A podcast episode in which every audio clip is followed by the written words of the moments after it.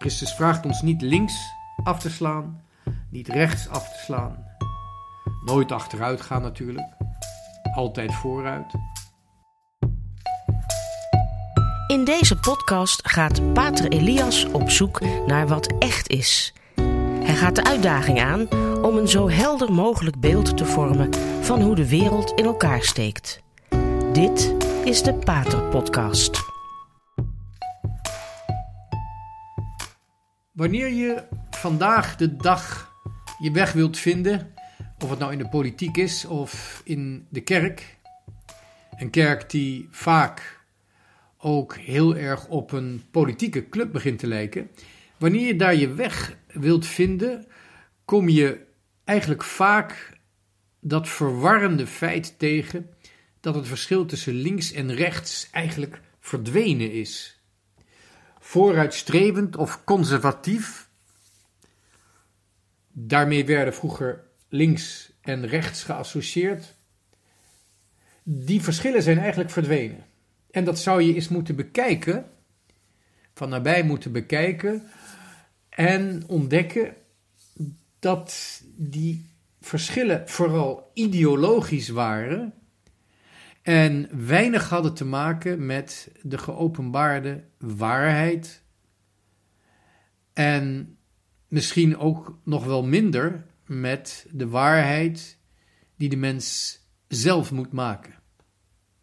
Zowel de natuurlijke als de bovennatuurlijke aspecten van ons leven, van ons bestaan, die waren eigenlijk niet te reduceren tussen een linkse richting of een rechtse richting. Een linkse richting of een rechtse richting. En daarom is ook met het verdwijnen tussen links en rechts, is ook het midden verdwenen. En het is belangrijk om daar eens even wat op in te gaan. Ook al is misschien één Pater podcast daar niet genoeg voor. We zouden eens moeten kijken hoe eerst in de politieke wereld links is verdwenen, hoe het eigenlijk ook in de kerk is verdwenen. En tenslotte zouden we dan nog moeten spreken over het feit dat het midden is verdwenen en proberen uit te vinden, voor zover het nog bestaat, wat dat midden nou eigenlijk betekent, wanneer het nog in onze tijd wordt nagestreefd. En dat doen we dan. Het verdwijnen van links en rechts, het verdwijnen van het midden. Dat doen we dan om de blik niet naar links, niet naar rechts, maar omhoog en omlaag te richten. Zelfs het midden moeten we gewoon eens even vergeten.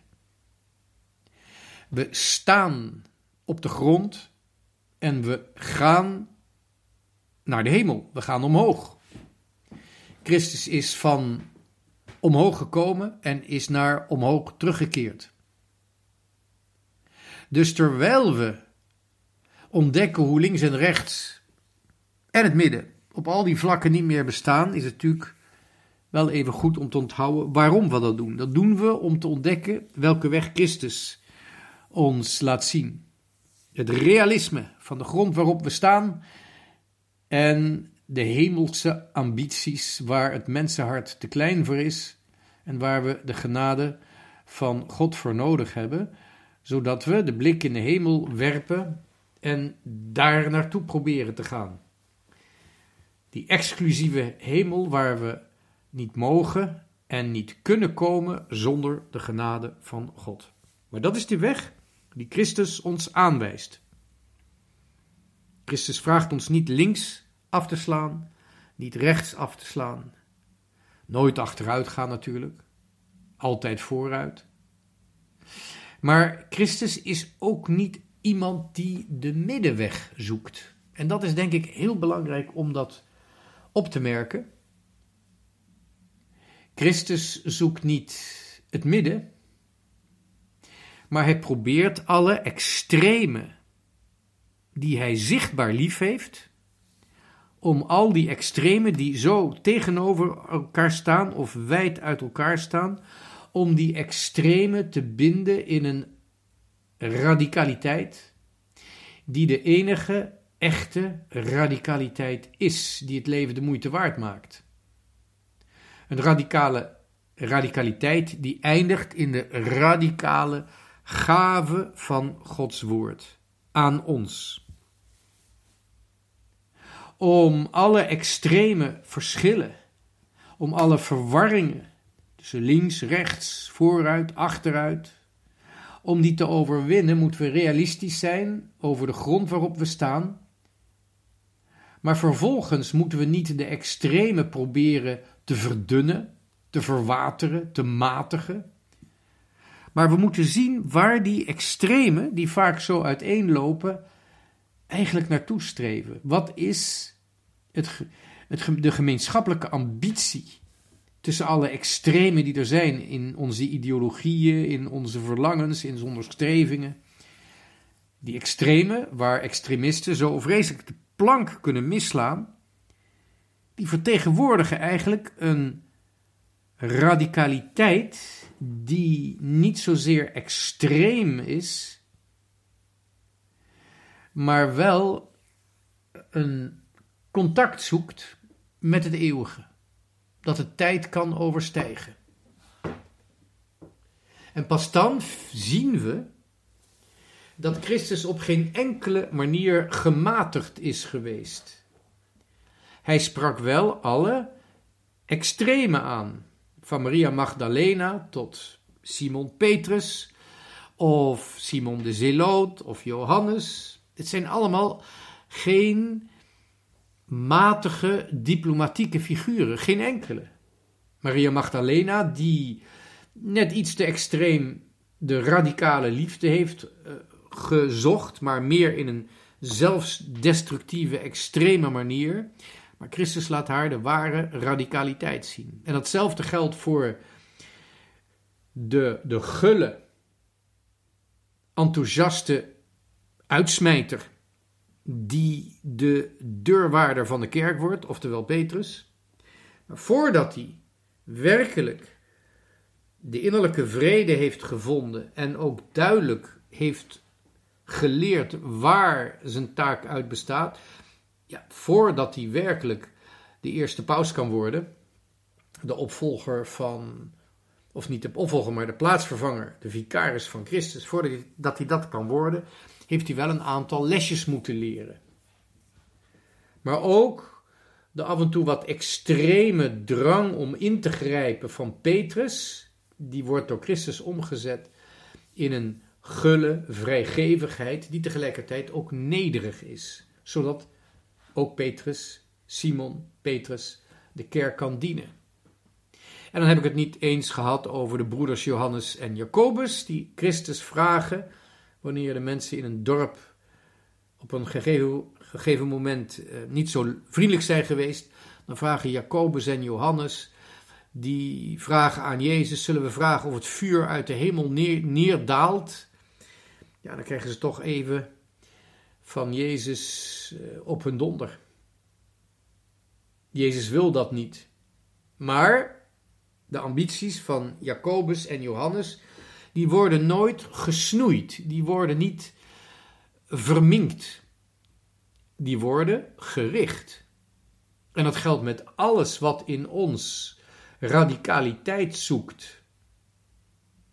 En door menselijke beperkingen beperkingen en zondigheid een verkeerde vorm van extremisme kan worden, al dat zoeken naar radicaliteit, daarin laat Christus zien wat de ware radicaliteit is. Radix, daar komt het woord radicaliteit vandaan.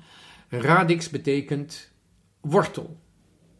Welke wortels kunnen we zo in de grond laten groeien dat de boom van wat groeit de boom, het bloeisel van wat groeit, tot in de hemel reikt. Dat is de echte radicaliteit. En dan kun je dus ook zeggen dat Jezus, waarom heeft hij zo'n ruzie met die fariseeën? Omdat die niet ver genoeg gaan. De fariseeën zijn in zekere zin extreem, maar ze zijn niet radicaal. Christus is de geradicaliseerde fariseer, die de wet gaat volbrengen. Maar in zekere zin, als je kijkt naar de andere stromingen van het volk van Israël, binnen het volk van Israël in die tijd, je had de Essenen, je had de priesters, je had de zeloten. Op alle manieren laat Christus zien aan deze bewegingen die afgeleiden naar extremisme, hij laat zien wat de echte radicaliteit is. De zondige vrouw wordt uit de bordeel gehaald en, als we de legende mogen geloven, die er zijn, eindigt het met een klooster. Ik heb het natuurlijk over Maria Magdalena, die volgens de overlevering uiteindelijk een kluizenares is geworden in Zuid-Frankrijk. En wanneer Jezus in de tempel kwaad wordt, dan is hij toch ook wel de zeloot. Hij gebruikt fysiek geweld, maar wel op een hele speciale manier. Een niet destructieve, een niet hatelijke manier. Wanneer Jezus de wet volbrengt, dan is hij veel radicaler dan fariseeën. Wanneer Christus de priesters het goede voorbeeld geeft, dan offert hij zichzelf. En wanneer Christus tegenover bijvoorbeeld de Essene laat zien wat echte ascese is, dan zien we dat Christus niet direct, niet direct de wereld beëindigt na zijn verrijzenis, maar aan zijn kerk een woestijn geeft waarin zij bruid mag worden. Dat is de beproeving van ons leven, die ieder van ons nog moet doorlopen. Twintig eeuwen lang al worden de, worden de gedoopten beproefd om sterker te worden, om meer licht te laten schijnen in hun ziel, om de glorievolle wederkomst van Christus, zijn wederkomst in heerlijkheid, om die voor te bereiden. Dat is een ascese, dat is een wachten. Net zo goed als verloofde, van wie de kerk vraagt in wijsheid om zich te onthouden van seksuele relaties, voor verloofden is dat een woestijn. Dat is niet voor de lol, het is ook niet omdat seks eh, zondig is of smerig. Nee, het is een bepaalde ascese die de kerk vraagt in haar wijsheid van de man en de vrouw die gaan trouwen. Een ascese waardoor ze later meer gegeven kunnen zijn. Waardoor ze gedurende dat huwelijk, dat, eh, dat, dat onomkeerbaar gesloten wordt, om tijdens dat huwelijk meer, meer respect voor elkaar te hebben, het respect geoefend te hebben. Dus ook de Essene, die de, het accent legde op de woestijnervaring, ook aan die Essene laat Christus zien wat echte ascese is. En je ziet het trouwens ook in de geschiedenis van de kerk, want de eerste monniken en de eerste kluizenaars, die hadden vaak absurde vormen van ascese, bijvoorbeeld op een zuil gaan wonen. Pas later, door de Heilige Geest gestuurd, is dat wat gematigd. Bijvoorbeeld Benedictus, die zei in plaats van eindeloos te vasten en niks te doen, of alleen maar zinloze, te doen, zinloze dingen te doen, ga in een gemeenschap leven en doe dingen gemeenschappelijk en wees constructief. Constructief voor als dank aan God. Nou, zo zou je nog een hele tijd kunnen doorgaan, maar Christus zoekt nooit de middenweg.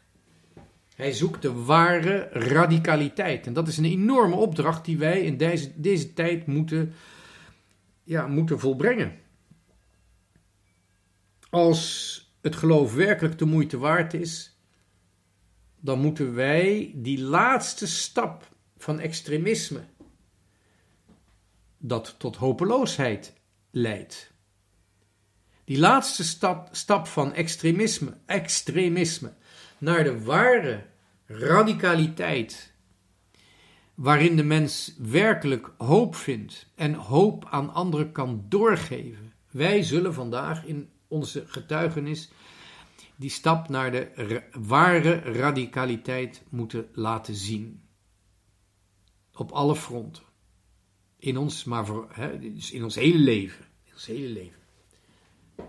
Onze praktische getuigenis, in onze woorden, daden, in onze stilte, in wat we niet doen, waar we niet aan meedoen. Wij zullen moeten getuigen van de radicaliteit die het mens de ware vrede geeft.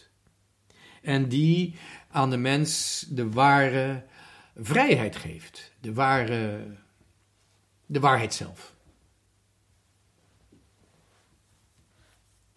Ik ga het um, hierbij even laten.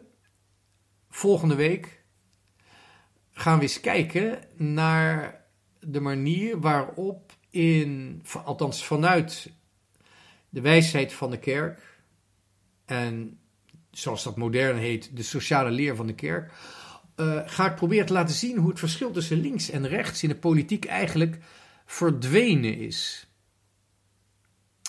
En de keer daarop zal ik proberen, zonder iemand op de tenen te gaan staan, laten zien dat eigenlijk in de kerk ook dat verschil tussen links, rechts, progressief of conservatief eigenlijk ook verdwenen is.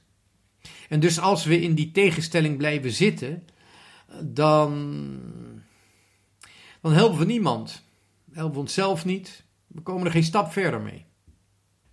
Dat gaan we de volgende twee keren dus uh, bekijken. Bedankt voor het luisteren en heeft u, ik hoop dat u verder een goede week he heeft waarin we de komst van de Heilige Geest voorbereiden.